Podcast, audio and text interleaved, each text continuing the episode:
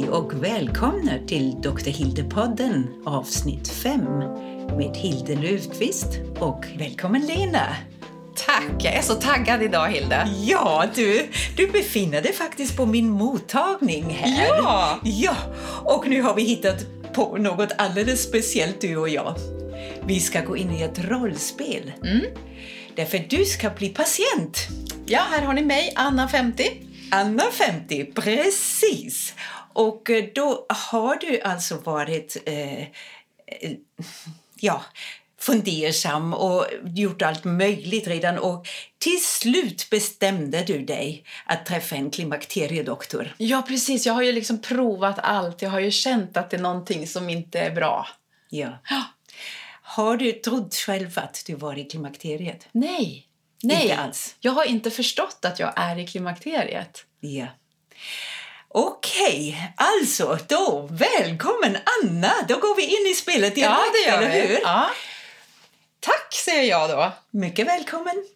Du träffar mig här nu på min mottagning och jag har lämnat ut eh, två formulär till dig i väntan på att du kommer in till mig. Ja. Och det ena heter Menopause Rating Scale. Då är det en symptomskala. Har du fyllt i det här?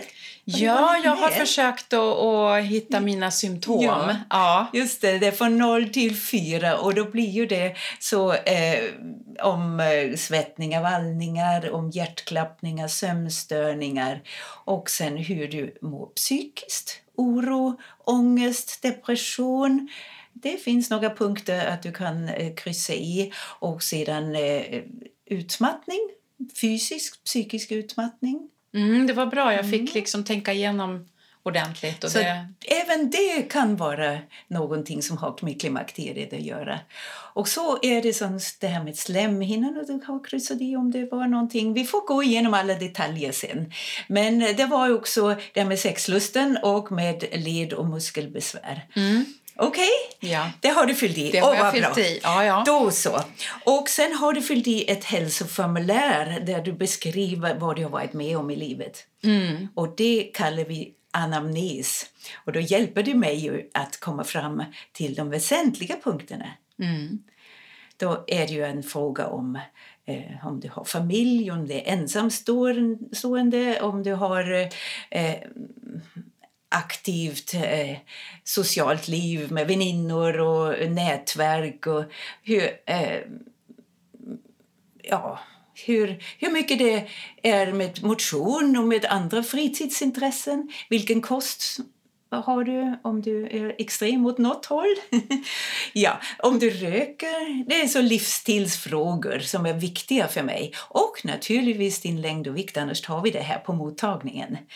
Eh, eh, ja, och det kom, är frågor om allergi och eh, om tidigare sjukdomar, om eh, tidigare behandlingar, operationer möjligen att du varit med om och om dina föräldrar också och ärftliga sjukdomar som kan vara eh, viktiga eh, just att tänka på när vi ska behandla med hormoner. Ja, jag fyllde ju i det här med att min mamma fick bröstcancer när hon var 60 och det är någonting som gör att jag också känner oro. Ja, det är klart. Och sen min pappas sida så han är överviktig och har eh, Ja, han dog ju eh, av hjärt-kärlsjukdom och övervikt så att jag tänker att i och med att jag har ett BMI på en bit över 25 så känner jag stor oro också. Och jag har ju svårt med att hålla igen. Jag går upp mitt i natten och tar en banan och sådär för att eh, jag kan inte sova annars. Och jag tänker att eh, vikten bara ökar och jag måste göra någonting åt det också tror jag. Somnar du efter bananen? Ja, det gör jag ändå så det hjälper. ja. ja, bra och bra. Alltså det finns bättre sätt att hjälpa dig tror jag. Ja, men det är i alla fall skönt för stunden för jag står inte ut med att ligga och vända och vrida på mig hela natten. Precis. Det går ju inte. Nej, jag förstår. Nej, men alltså, nu går vi ju in för dina symptom här. Jag ville bara berätta lite om eh, vad en anamnes är. Och eh, då har du ju skrivit det här, ser jag, att du är ju övrigt ganska frisk hittills. Jag har inte haft några operationer, eller hur var det med det? Nej, inga operationer, eh, inga problem. Men, men p-piller däremot har jag haft problem med. Ah, ja, ja. Okej. Hur blev du då? Ja, eh, jag fick väldigt spända bröst. Och jag tror att det beror på p-pillerna. Eh, och sen har jag haft väldiga humörsvängningar. Jag vet inte om det är p-pillernas fel, men... Eh, och så har jag känt mig plufsig. Hur länge tog du p-piller? Ja, det gjorde jag de tio första åren innan barnen. Du gjorde det i alla fall, men Ja. du mådde inte så bra då. Nej, nej, nej jag hade huvudvärk och... Mm. Ja. Ja, ja, men det är bra att ta med eh, med eh, tanke på mm, fortsatt behandling med hormoner kanske du behöver ha så småningom. Vi får se vad vi kommer fram till. Men eh, det jag berättade om vad vi skulle prata om, då ser jag alltså du håller ju en diet, du är vegetarian, eller hur var det med det? ja, precis. Jag har övergått till vegetarisk diet. Jag har tänkt att det kan vara ett sätt att eh, kanske komma, komma eh, i ordning, eller få, få ordning på mitt, eh, min vikt helt enkelt. Och så vill jag ju leva hälsosamt. eh, Och jag är med i en Facebookgrupp, kli, Klimakteriekärringar. Och eh, där så har jag kommit fram till att det kan vara kanske något att testa för att få ordning på mina besvär. Ja. Alltså då har du i alla fall haft en viss misstanke att det skulle kunna vara klimakteriet om du är med där i Facebookgruppen. Ja, du har rätt i det, men jag har nog ändå inte tänkt det. Jag har liksom skjutit det ifrån mig, för jag känner mig inte särskilt gammal. Ja, och hur gammal är du nu sa du? 50. 50 var det ja. Precis. Och, och eh, då tänker jag lite på hur har du det fortfarande med dina menstruationer? Ja, de har blivit lite oregelbundna nu på de senaste ja, fyra månaderna. Mm, Okej. Hur oregelbundna? Ja, eh, det har blivit eh, längre mellan eh, blödningarna. Aha. Så just nu har du inga blödningar, eller? Nej, just det. De har faktiskt eh, uteblivit. Så att, då kände jag att nu måste jag ju göra någonting. Jag tänkte att jag, jag kontaktar dig och ser om du kanske kan hjälpa mig. Ja, nu kommer vi till den här punkten att jag ser på din menopause rating scale att du är ju faktiskt, som du skriver, ganska eh, orolig ibland och eh, ångest och sover dåligt så Ja. har det ju väldigt Åh. svart... eh, Alltså det går ju på punkt fyra nästan, eh, alltså att du har så stora besvär. Sen har du också vallningar. Ja, usch. Och det är klart att eh, de här vallningarna bidrar väl också till att jag sover dåligt. Eh, För när jag vaknar så är jag jättesvettig och klibbig. Och ibland går jag till och med upp och duschar mitt i natten för att det är så jobbigt. Ja, precis. Sen Och nu står jag inte ut längre faktiskt. Ja, att det är därför du kom till mig också. Ja, ja nej, men alltså, man försöker ju eh, härda ut så Ja. gott det går. Va? Men, men nu tycker jag att det påverkar mitt eh, liv, eh, mitt framförallt vardagsliv, men även med min partner. Eh, jag har ju, ja men min man, han uppvaktar mig så att säga och, vill gärna att vi ska ha det trevligt på, i sängen så att säga. Va? Men jag orkar, jag har inte någon sexlust alls. Jag har tappat den också faktiskt. Också, så Och det hänger väl Mm. kanske ihop med att jag inte mår bra. Ja, precis. Känner jag. Ja. Ja, om vi nu skulle sammanfatta dina symptom. Vad är dina värsta tre symptom? Ja, det är övervikten, eh, det är mina sömnproblem och eh, mitt humör. Det går upp och ner. Och det påverkar sexlusten om jag får lägga till det också. Då. Mm. Så det är eh, det värsta av allt. Det är vikten. Det, alltså nu blev det svårt här att säga vilka för att jag är ju orolig att jag ska få bröstcancer och dö helt enkelt. Det också. Eh, Så att jag, jag har Ja. börjat bli väldigt orolig för, Ja. för min ålderdom som jag egentligen inte vill tänka på för att jag tycker ju och känner mig ung fortfarande. Precis. Ja, alltså jag skulle nog tro att eh, det värsta är ju den här oron hos dig. Alltså det finns så många frågetecken. Och eh, du har inte fått svar på allt det här. Och du har försökt vad du kunnat, alltså med kost. Och sen har du kanske motionerat lite också. Eller har du hittat på någonting där? Ja, ehm, ja, jag går på Friskis och Svettis ibland. Mm, ibland. Ja, ja, ibland. Det är väl inte Ja. alltid som jag kommer iväg men jag försöker att gå ett par gånger i veckan Ja. faktiskt. Okej, ja. Och eh, om du nu tänker vad har hindrat dig att gå till läkare för, på en gång? Det är väl alltid annat som kommer emellan. Eh, jag har väl tyckt att jag ska klara, klar, borde kunna klara av det här själv. Mm. Ehm, så. Men, eh, men just nu så går det inte längre. Jag står inte ut. Ja. Alltså, om man nu vill sammanfatta vad det har besvär, det är ju då alltså som vi sa, viktuppgång och svettningar och eh, framför allt den här oron och inget som är bra, du sover dåligt och eh, sexlusten påverkas eh, och allt det här kan hänga ihop med klimakteriet och nu har din mens inte kommit. Har du några andra fysiska symptom? Alltså bröstspänningar nämnde du. Ja, precis. Jag känner att brösten är spända. Och eh, känner mig plufsig Och eh, plufsig, och varm och svettig som jag ja, sa. precis, som de här vallningarna. Ja, Jag tycker det här låter som att jag måste ändå göra en fysisk undersökning för att veta var du står nu. I, rent i det här tidsfönstret eh, från den här fertila fasen till att du är i menopausen. Därför det är ju uppenbarligen inte i menopausen, men menopausen betyder ju att mensen är slut. Och bara därför den hoppat över någon gång tror jag inte att den är riktigt slut än med de symptom du har, just spända bröst. Men det är klart, spända bröst, eh, du är ju så orolig för bröstcancer. Vi ska undersöka dina bröst med en eh, fysisk undersökning. Och sedan ska vi ta en gynekologisk undersökning. är det verkligen nödvändigt med en gynekologisk undersökning? Jag känner inte att jag har några bekymmer egentligen.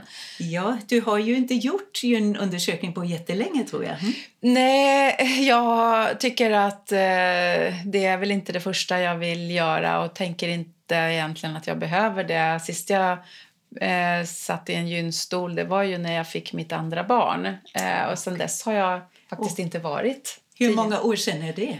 Ja, det är ju 20 år sedan nu. Oj! ja, men du har ju tagit dina cellprover hos barnmorskan Ja, ja, men det gör jag faktiskt. Det, det tycker jag är viktigt. Ja, vad bra.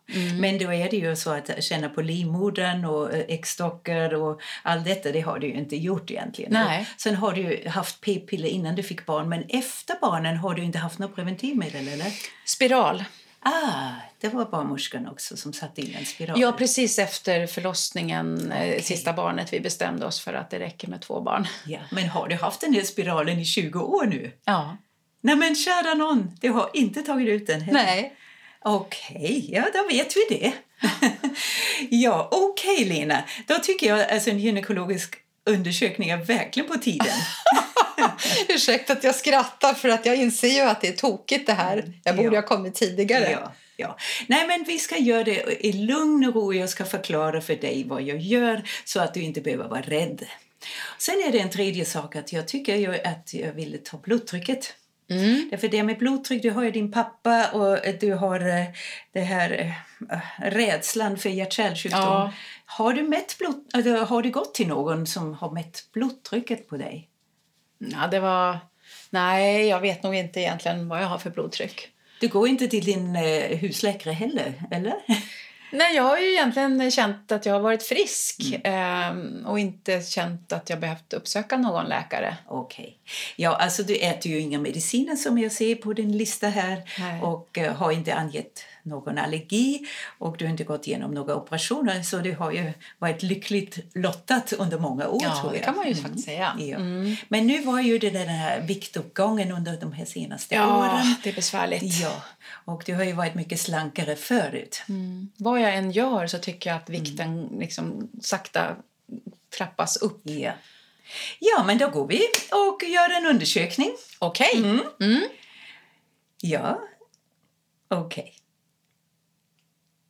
Nu hoppar vi ur rollspelet bara en liten stund. Ja. Därför nu är Lena, eh, nu är du Lena igen. Mm. Nu har vi alltså den här undersökningen där eh, som vi tar eh, först alltså den här bröstundersökningen och då märker jag inte någonting särskilt än att det är lite ömmande bröst men de är elastiska och eh, jag märker ingenting av någon eh, knöl någonstans och färg och utseendet är symmetriskt och inte avvikande. Berättar du det här, Hilde, då på en gång Ja. medan du gör Ja, undersökningen? jag brukar säga ja, det känns helt normalt. Och sen är det naturligtvis att jag frågar när var du på mammografi sist? Det är ju alltid det här med hälsokontrollen vi har genom mammografin. Det är ju väldigt bra och viktigt att man går på dem. Och då Från har du ju- 40 års ålder har ju Anna då varit på, på det. Ja, hon har ju varit duktig och gått på hälsokontroller. På både cellprov och eh, mammografi. Men sen är det ju det här med blodtrycket. Det är ju då hos Anna lite förhöjt. Och då kan man ju tänka sig det kan vara därför hon är hos doktorn. Det brukar bli lite högre. Hon har hjärtklappning. Ja, men eh, samtidigt har hon ju liten ärftlig faktor och sen har hon en övervikt. Och sen är hon i den här berömda åldern där eh, blodtrycket kan stiga. Så att det är ett observandum och jag uppmanar henne att eh, ta om blodtrycket i lugn och ro vid flera tillfällen. Eh, Hon kan också gå till sin husläkare och ta en allmän hälsokontroll där man ändå tar blodfetter, bl- glukos, allt det här som ingår hos en allmänläkare att veta att man är verkligen frisk. Kan man beställa en sån allmän kontroll? jag, du har ju besvär som Anna. Ja, ja, precis. Ja, det kan man göra. Eh, självklart. Och dessutom med tanke på ångesten, eh, hur det varit med pappa och med det här med hjärt-kärlsjukdom i familjen. Ja, och sen gör vi den här gynekologiska undersökningen. Och vad hittar jag hos Anna? Ja, då hittar jag en eh, helt normal slemhinna, normala eh, förhållanden eh, i underlivet. En liten spiraltråd som finns faktiskt där. Och eh, eh, om vi eh, tänker på den eh, palpatoriska undersökningen, alltså man klämmer lite på livmodern och med ett eh, ena eh, undersökningen i eh, slidan och den andra undersökningen eh, Alltså den andra eh, handen på magen, det vet ni ju hur det är med en sån här bimanuell undersökning. Då är det då eh, att jag upptäcker in, inget fel egentligen. Nej. Men eh, då har vi också ett modernare sätt att man kan titta med ett vaginalt ultraljud. Och då hittar jag faktiskt en förtjockad slemhinna i livmodern. Inte tunt som det brukar vara i menopausen. Alltså det är ett tecken på att det är östrogen som påverkar. Och dessutom en liten cysta som är eh, 2,5 centimeter på hög äggstock. Och en cysta det är ju egentligen eh, något som skrämmer många kvinnor. Eller hur? Vad, vet, vad tror du är det en cysta är? Jag skulle just fråga det här med cysta och meom. Vad är det för skillnad på dem? Eh, ah, en cysta kan växa på äggstocken, va? Ja, alltså cyster kan vara överallt på andra organ också. Så det finns ju levercysta, pankreascysta. Jaha. Alltså, i- körtlar kan ju bli en vätskeansamling och då blir det ihåligt. Och- och Jaha, jag trodde det bara hängde ihop med livmodern. eh, Ja. Mm, Nej, det, Hela nej. kroppen kan det Och, vara. och livmodern har ingen cysta. Livmodern har ju muskel. Ah, och ja. då är det så kallat myom. Och då är det muskelvävnad. Det är alltså ingen vätska. Vad är, det, vad är farligast? En cysta på äggstocken eller en meom i livmodern? Alltså båda är egentligen i det här läget ofarliga. Myom är ju godartat eh, tumör som växer långsamt. Men tumör låter ju alltid farligt. Ja, blir Men man- godartat det växer någon centimeter Nej, alltså centimeter kanske under ens livstid. Alltså det blir ju inte mer än några millimeter per år kanske. Eh, men eh, det kan ju börja växa redan tidigt, vid 40 eller något sådant, eller ännu tidigare. Eh, och eh, sen eh, är den rätt så östrogenberoende och hormonberoende. Att den växer under den tiden du har hormoner som påverkar. Men efter menopausen brukar inte myom bli större. Okej. Men syster det är ju något helt annat. Syster på äggstocken i så fall finns ju godartade syster, det finns eh, sån här borderline-syster och sen finns det då elakartade också förstås. Men i ditt fall I Annas fall. Annas, Ja. då har vi eh, hittat en, en liten funktionell cysta. Och det hänger ihop med utebliven ägglossning misstänker jag. Därför det ser så typiskt ut. Alltså att det är tunna väggar, inga septer, ingen, ingen farlighet som man kan se på ultraljud. Och då eh, misstänker jag alltså att allt det här som du berättar om att mensen hade uteblivit, ägglossningen hade inte skett, att det är en sån cysta.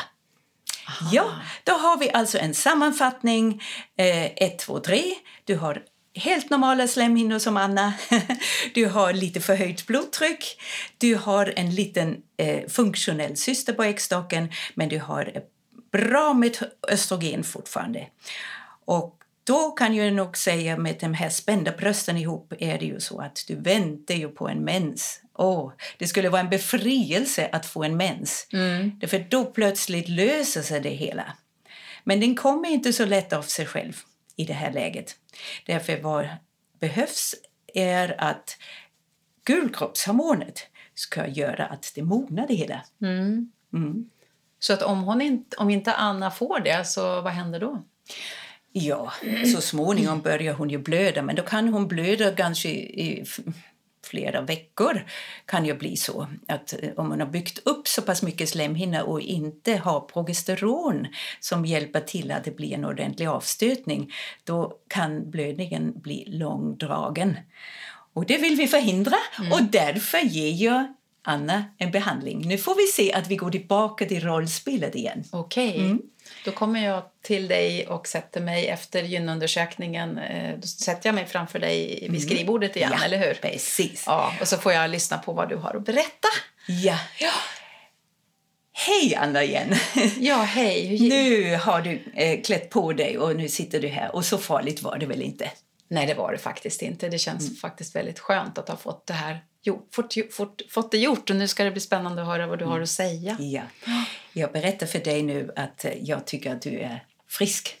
Det ser oh. ut som att du är verkligen frisk. Nu kan jag naturligtvis inte bekräfta det genom laboratorieprover men det jag har sett och det jag kan bedöma med min kliniska erfarenhet är att du är en kvinna i perimenopausen. Det är så typiskt perimenopaus och det betyder att du närmar dig den tiden att mensen tar slut.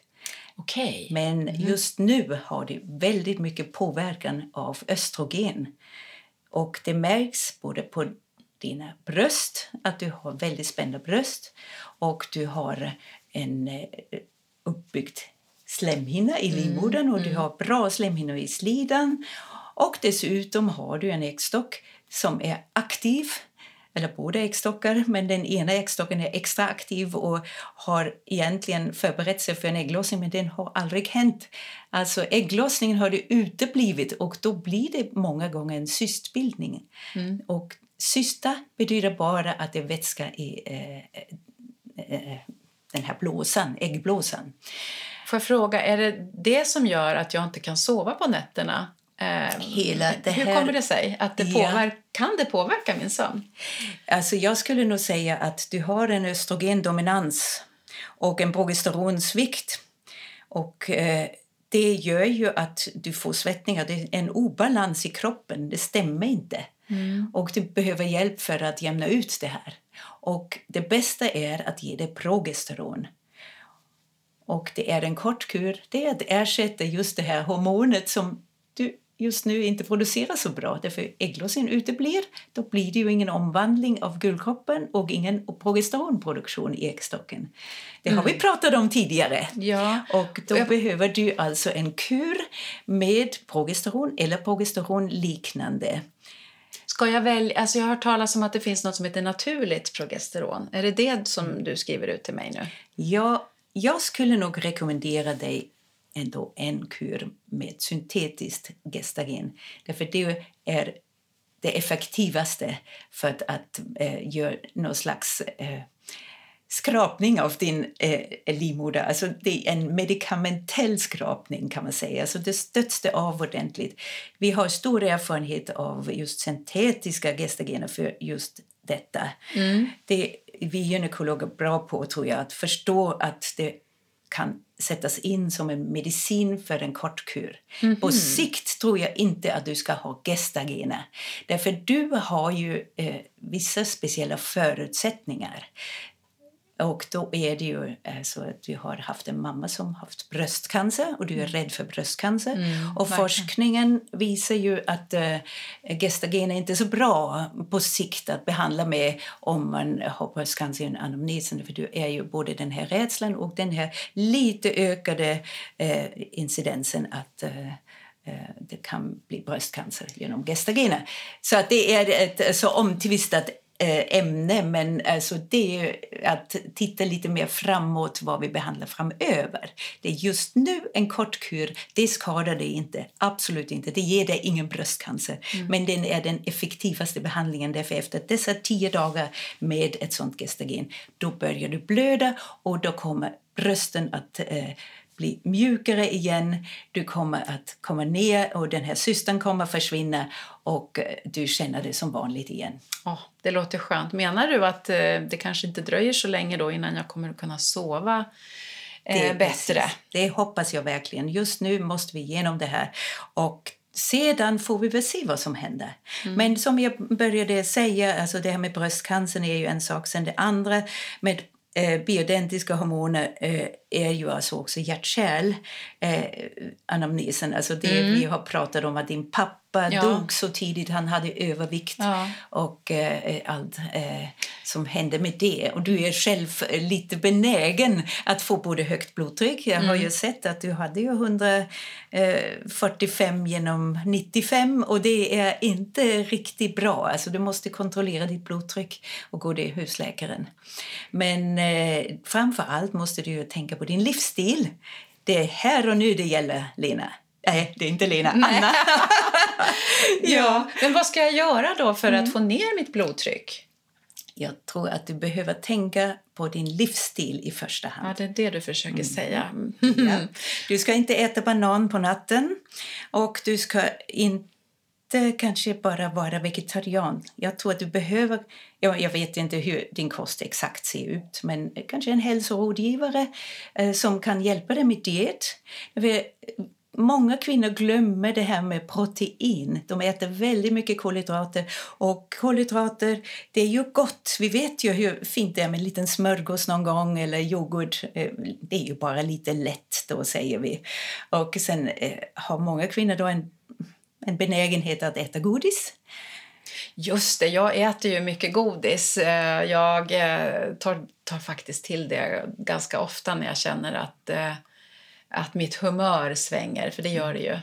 Och det blir mycket mm. bättre när jag får i mig lite godis. Ja, och det är ju det här med sockersvängen. då har du antagligen eh, lite tendens till det här att får blodsockerfall och då eh, tar du någonting sött då blir det plötsligt återställd igen. Men du gör dig ju själv en björntjänst med detta. Därför du befrämjar ju eh, insulinproduktionen och för mycket insulin, det har vi pratat om tidigare, det ger ju tyvärr övervikt mm. och insulinresistens och till slut kanske diabetes. Så hur blir jag av med mitt godissug då? Det, det, det, det, ja. Ställa om kosten. Okay. Du måste gå till en oh. hälsorådgivare och ställa om kosten så att det är låg kolhydratkost. Det är det. Och sedan kommer vi till eh, det här med att du behöver ha en återbesökstid till mig. Ja. För nu har du ju förstått att det här är början till klimakteriet. Eller du är mitt inne i klimakteriet kan man säga. Men oj, menopausen oj. Är, är, ganska snart framme. Du är 50 år. Genomsnittet är 52. Du kanske har några blödningar framöver. Men jag tror när du nu har tagit den här kuren kan det mycket väl vara så att du kommer in i något som en liten svacka med östrogen också. Alltså att du får mer svettning och vallningar trots att du inte har bröstspänning och det kommer ingen mens. Då är det kanske ett tecken på östrogensvikt. Och då kan man komma in för en sån här regelbunden eh, cyklisk behandling med både lite östrogen och i så fall då kanske progesteron, bioidentiskt progesteron. Men det får vi se framöver. Mm. Jag tror vi ska följa upp det lite, Anna. ja, jag kommer gärna på återbesök. Mm, ja, bokar bra. vi in det på en gång det nu? Det gör vi på en gång. Perfekt. Ja. Mm. Och så tar jag och hämtar ut det där receptet då så att jag får, ja, får bort slemhinnan som ja. har byggts upp. Ja. Vad skönt. Precis. Okej, okay, eh, Anna. okay. Jag säger alltid fel. Och, men, men Hilde kan jag ju mm. säga oavsett om det är rollspel eller inte. Mm. Okej, okay, Hilde. Tack. Nu har vi alltså eh, pratat om Anna och eh, det var ett exempel på perimenopausen och alla dessa besvär som kan hänga ihop med det. Vi har gått in för vilka värsta symptom hon hade och eh, också hennes farhågor och, och ärftliga eh, risker. Och eh, behandlingen har vi inlett med en kur just nu, här och nu för att hon blir av med de här akuta besvären. Men Anna behöver säkert hjälp framöver nu. Och livsstil är väldigt viktig här. Att vi måste påverka Anna att hon får en mer hälsosam livsstil. Och där kan jag som gynekolog inte arbeta ensam. Då behöver jag många, många andra som hjälper till. Inte bara hennes väninnor, de kanske är i samma läge. Men hon måste ju få veta mer om vad som påverkar henne negativt och vad hon kan göra eh, för att förbättra eh, sitt liv framöver. För det är ju 40 år minst hon har till. Ja, precis. Eller hur, ja, Lina? 40 år till. Tänk, alltså, att förstå det tror jag är att det, det trillar ner en på lätt när man förstår att det faktiskt är 40 år kvar kanske mm. numera och att man vill ha kvalitet på det. Så att, eh, jag tror säkert att Anna vill göra vad hon kan för att få ett bra, en bra ålderdom och aktiv ålderdom. Mm. Ja, då har vi gjort det idag. Tack! Ja, det har vi. Det känns jättekul att vi har gjort det. Och tack för idag, Hilde. Då. Ja, tack, Lena, Anna. ja. Hej då, säger Anna och Lena. Mm. Ja. Hej, säger Hilde. Hej. Hej då.